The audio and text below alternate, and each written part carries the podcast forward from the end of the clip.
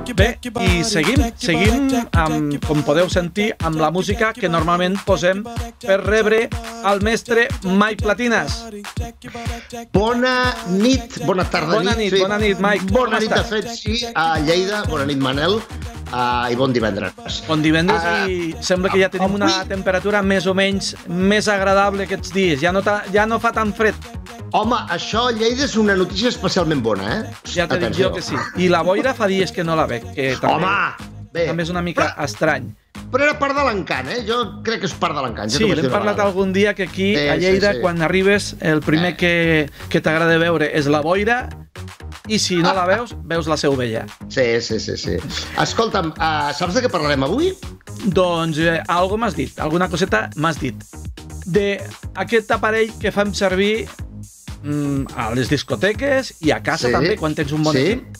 Els equalitzadors. Explica'ns què... Efectivament. Efectivament, mira, equalitzar vol dir igualar. Eh? Mhm. I això és perquè l'equalitzador és una espècie de control de freqüències, control de nivells i de volums eh, selectiu per freqüències. I pots triar una banda, una zona de freqüències i canviar-li el nivell, variar el nivell, variar el volum. Uh -huh. I saps per què serveix això? Doncs vull que m'ho expliquis. Doncs mira, inicialment servia per corregir defectes que hi havia a l'àudio, sigui d'una gravació, sigui d'una sala. Tu imagina't una sala, posem una discoteca, no?, que resulta que per la forma que estan col·locades les parets, doncs eh, els greus queden especialment am- autoamplificats, és un bum de greus. Amb l'equalitzador retallaries greus, retallaries aquella banda de freqüències i sonaria molt millor. O imagina't que per la forma en què estan col·locats els altaveus d'aguts, els twitters, els aguts no sonen prou bé. Doncs uh Ahà. tu pujaries només aquella zona, aquella banda d'aguts. Per tant, inicialment, inicialment dic, es van inventar per corregir defectes. I quin tipus hi ha? Tots hem vist que aquells que amb els potenciòmetres en vertical. Sí. Aquests que dius tu, els potenciòmetres en vertical, eh? sí, exact, exact, exact, exact, són el que s'anomenen equalitzadors gràfics, perquè tu mires l'equalitzador i de forma gràfica, si la part de l'esquerra serien les, les freqüències més greus i la part de la dreta les més agudes, tu de forma gràfica, visual, veus quina banda estàs tocant. I en els equalitzadors professionals eh, doncs es recomana, segons la norma ISO internacional, que han de tenir com a mínim 10 bandes de freqüència, que corresponen amb les 10 octaves de l'àudio audible. I, per tant, tenen freqüències centrades en Espera que m'ho sé de memòria, ara us vacilaré tots. 31, 63, 125, 250, 500, 1.000, 2.000, 4.000, 8.000 i 16.000 Hz. Eh? Què t'ha semblat? Mare meva, mare meva, quina memòria. I després hi ha els més guais, que són els ja superprofessionals, que en comptes de 10 bandes tenen 30 o més, que són els de a terç d'octava, que són els que són per afinar molt bé exactament perquè tot es senti molt millor encara. Que, per cert, eh, una pregunta que se'm ve a mi, que no Sí? tinc prevista, eh, els, que, els que es dediquen a aquest tema han de Sí. tindre una oïda Home, molt bona, molt... Sí, però t'explico el truco de l'almendruco. El que fa la gent que sonoritza sales, o sigui, els que fan aquesta correcció amb l'equalització, és que van, per exemple, a una discoteca, posen un micro, un micròfon professional caríssim, d'altíssima sensibilitat, n'hi ha que valen 4.000, 5.000, 6.000 euros. Un Mare micro, eh? Això. I els posen enmig de la pista de la discoteca, Mhm. posen, eh, generen soroll blanc o soroll rosa, que és un xxxt constant, Uh -huh. i miren què és el que realment li arriba al micro. És a dir, tenint en compte el que sona pels altaveus i les reflexions que hi ha a la, a la sala i tot, el que realment li arriba, li arribaria a la persona que estaria a la pista ballant, no? Sí. Ostres, aquesta banda de freqüències hi arriba menys. Doncs agafen amb l'equalitzador i la retoquen. I tornen a mesurar. I van mesurant, mesurant, fins que surt pla. Fins que hi ha resposta plana, fins que hi ha tot perfecte. Per tant, sí que és una qüestió d'oïda, però eh, sempre poden recórrer a la tecnologia i als truquillos per deixar-ho clavat amb... Imagino que és, el, és un micros tipus com els que es posen al Dolby Surround quan has de configurar... Sí, sí, sí. Deu de ser aquest tipus. Ho dic perquè jo a vegades, Sí. com soc també bastant sibarita de... Sí. quan poso una pel·li, m'agrada posar el micro aquest. Escolta, i un equalitzador és per pujar o per baixar el nivell?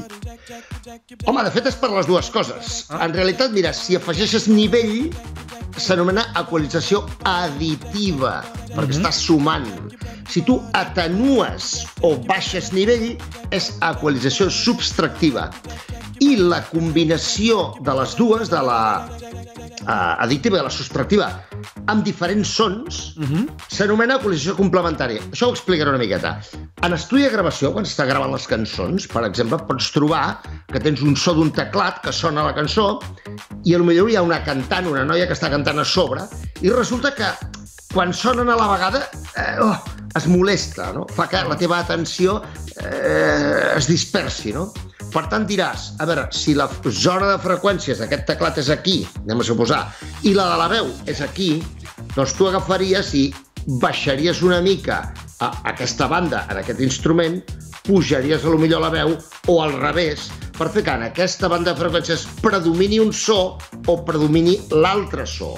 I d'aquesta manera complementes un i l'altre i pots aconseguir... És com si fos un puzzle, m'explico? Mhm. Sí, sí. Però amb freqüències, és això. Això recorda molt al tema de producció, eh, amb la sí, música sí, sí, i tal. sí, sí, és que a això m'estic referint, És a una mica música. aquest tema. Sí, sí. Eh, sí, sí. Aleshores, eh, mm, és per, per, per, millor, per millorar el so.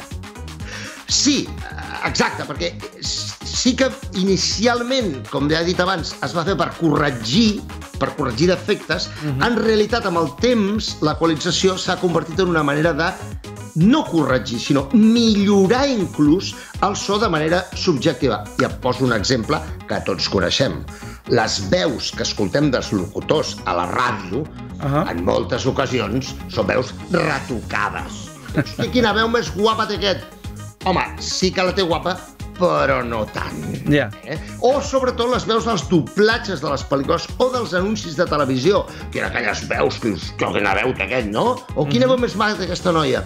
Sí, la té, realment la té, però també està una mica retocadeta, eh? perquè Home, soni una això- mica millor. Això em recorda, a vegades, que hi havia eh, gent que feia raps, Sí, si no s'apropaven al micro, no, no sentia la veu aquesta tan greu. És que hi ha una cosa, ara que ho m'esmentes, que s'anomena efecte de... Això el dia dels micros, crec que no ho van comentar, però comento ara. Una cosa s'anomena efecte de proximitat, que vol dir que quan més t'acostes amb un micro parlant, més puja el nivell de greus respecte a la resta de freqüències. Mhm. De manera que si tu vols que augmenti les greus, t'has d'acostar molt al micro, però si et separes, la, el balanç entre greus mitjos i aguts o sigui, és diferent, perds greus. Per tant, és com dius tu. Si Bueno. tu vols que sembli que tens més greus a la veu, t'has d'acostar més al micro. Sí, senyor. recordé al DJ Bobo, Sí? en directe no sonava tant eh, allò que feia així, Aquella veu així. Ah, sí, sí. o, o el Freedom Williams del CNC Music Factory, que també Ah, exacte. en Sí, senyor. directe aquests tos no, no, no, no era el mateix que, que quan agafava l'estudi, s'apropava el micro i, i Però això. escolta'm, és que, és que us puc fer una demostració ara mateix. No ho veieu, però jo aquí, aquí costat tinc un micro d'estudi, eh? I vaig a fer-vos la prova. Això no té res a veure amb equalització, però té a veure amb micros i ja que ve de passar ho comentem. Mira, si parlo així és una cosa, i si parlo així és una altra. Veieu la diferència? el mateix. I a més, a més quan estem sense el directe, nosaltres eh, ho fem en broma moltes vegades. Sí, sí, sí. Hola, Mike, com estàs, Mike? Fem aquest cachondedo. Cachondedo. Sí, sí, sí, sí, sí, sí. doncs, Mike, què et sembla si ens fas un resum del que hem parlat avui? Doncs mira, el resum d'avui és molt fàcil i molt senzill perquè era una introducció, com, com estem fent aquest, aquests, tots aquests divendres. Uh, un equalitzador serveix per manipular els nivells i les intensitats per zones o bandes de freqüència, per corregir defectes d'àudio o per fer que soni millor subjectivament. És això. Impressionant, Mike. Com sempre, eh, encantat de que estiguis amb nosaltres, de que ens expliquis aquestes cosetes. I la setmana vinent tornes. La Divendres setmana vinent. que ve parlarem també d'un altre tema superguapo, ja ho veureu. Molt bé, Bon Mike. divendres, bon divendres a tots. Gràcies. Salutacions des de Barcelona. Adéu, macos. Adéu. Adéu.